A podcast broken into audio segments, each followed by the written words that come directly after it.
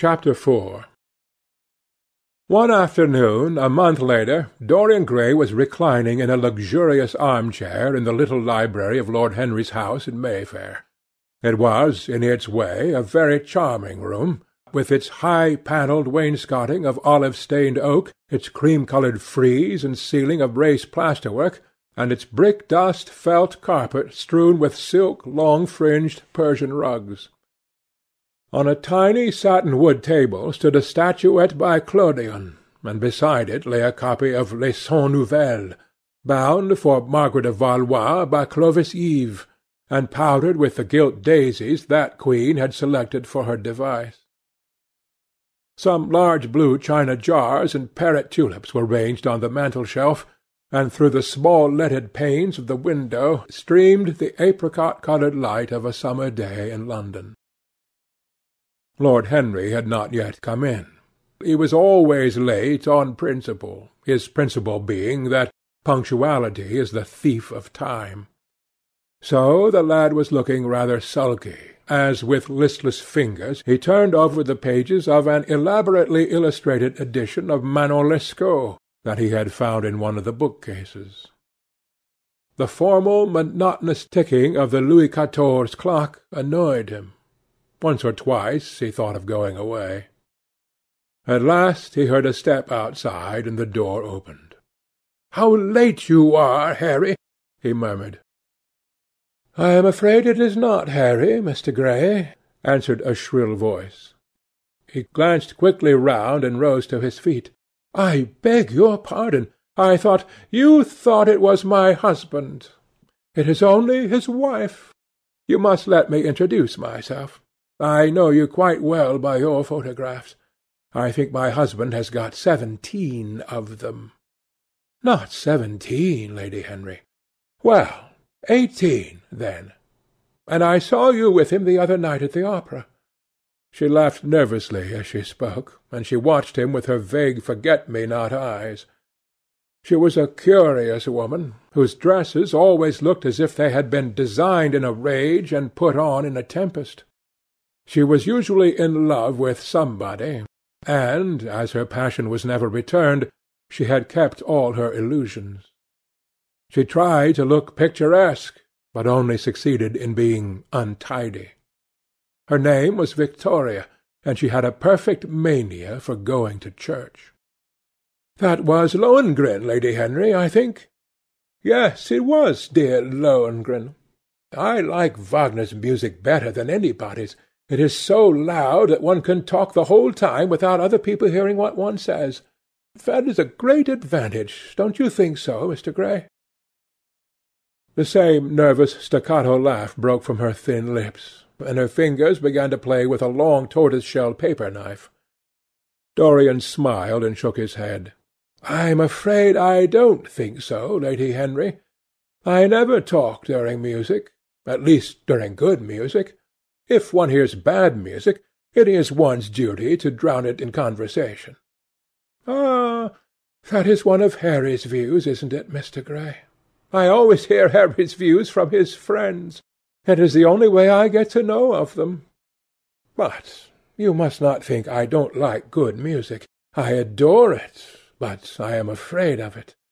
It makes me too romantic. I have simply worshipped pianists. Two at a time sometimes, Harry tells me. I don't know what it is about them.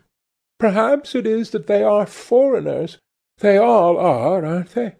Even those that are born in England become foreigners after a time, don't they? It is so clever of them, and such a compliment to art. Makes it quite cosmopolitan, doesn't it? You have never been to any of my parties, have you, Mr. Gray? You must come. I can't afford orchids, but I spare no expense in foreigners. They make one's rooms look so picturesque. Ah, but here is Harry. Harry, I came in to look for you to ask you something. I forget what it was, and I found Mr. Gray here. We have had such a pleasant chat about music. We have quite the same ideas. No, I think our ideas are quite different. But he has been most pleasant. I am so glad I've seen him. I am charmed, my love, quite charmed, said Lord Henry, elevating his dark crescent-shaped eyebrows and looking at them both with an amused smile. So sorry I am late, Dorian. I went to look after a piece of old brocade in Wardour Street, and had to bargain for hours for it. Nowadays people know the price of everything and the value of nothing. "I am afraid I must be going," exclaimed Lady Henry, breaking an awkward silence with her silly sudden laugh. "I have promised to drive with the Duchess. Good-bye, Mr. Gray. Good-bye, Harry. You are dining out, I suppose? So am I. Perhaps I shall see you at Lady Thornbury's." "I dare say, my dear said Lord Henry, shutting the door behind her as, looking like a bird of paradise that had been out all night in the rain, she flitted out of the room, leaving a faint odour of frangipani. Then he lit a cigarette and flung himself down on the sofa. "Never marry a woman with straw-coloured hair, Dorian," he said after a few puffs. "Why, Harry?" "Because they are so sentimental. But I like sentimental people. Never marry at all, Dorian. Men marry because they are tired, women because they are curious. Both are disappointed. I don't think I am likely to marry, Harry. I am too much in love. That is one of your aphorisms. I am putting it into practice, as I do everything that you say. Who are you in love with? asked Lord Henry after a pause. "With an actress," said Dorian Gray, blushing. Lord Henry shrugged his shoulders. "That is a rather commonplace debut. You would not say so if you saw her, Harry." "Who is she?" "Her name is Sibyl Vane." "Never heard of her." "No one has. People will some day, however. She is a genius. My dear boy, no woman is a genius. Women are a decorative sex. They never have anything to say, but they say it charmingly.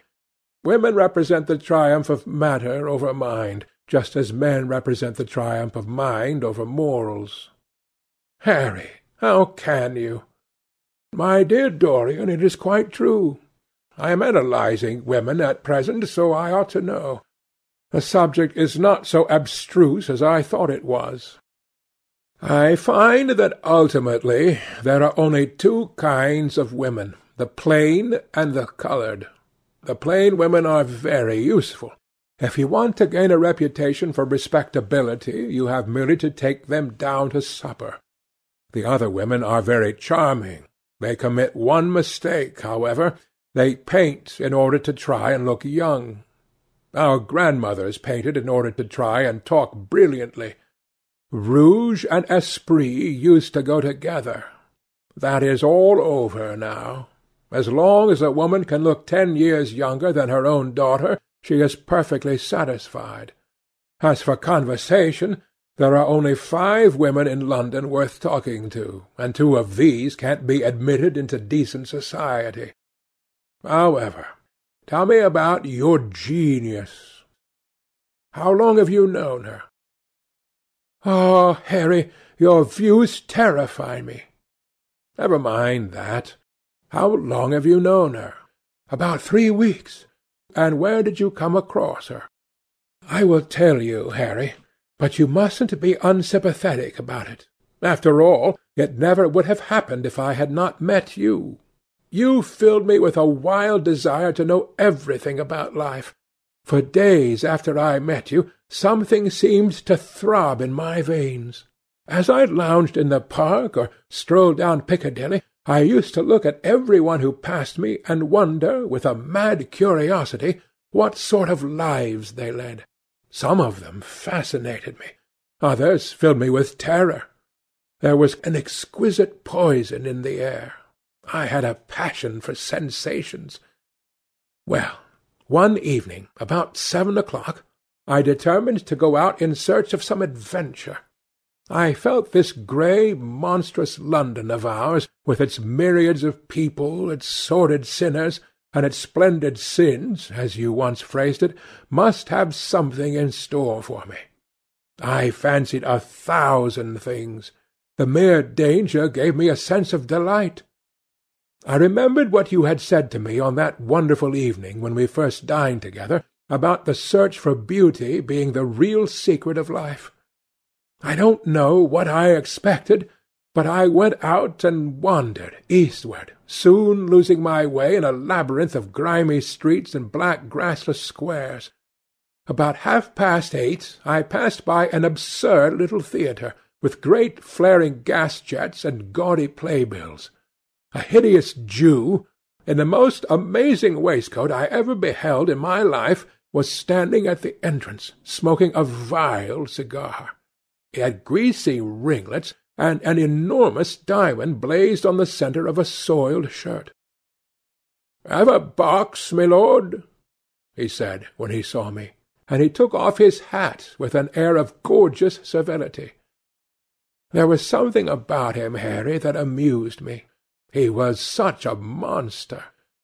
You will laugh at me, I know, but I really went in and paid a whole guinea for the stage box. To the present day I can't make out why I did so. And yet, if I hadn't, my dear Harry, if I hadn't, I should have missed the greatest romance of my life. I see you are laughing. It is horrid of you. Ah, I am not laughing, Dorian. At least I am not laughing at you. But you should not say the greatest romance of your life. You should say the first romance of your life. You will always be loved, and you will always be in love with love. A grand passion is the privilege of people who have nothing to do.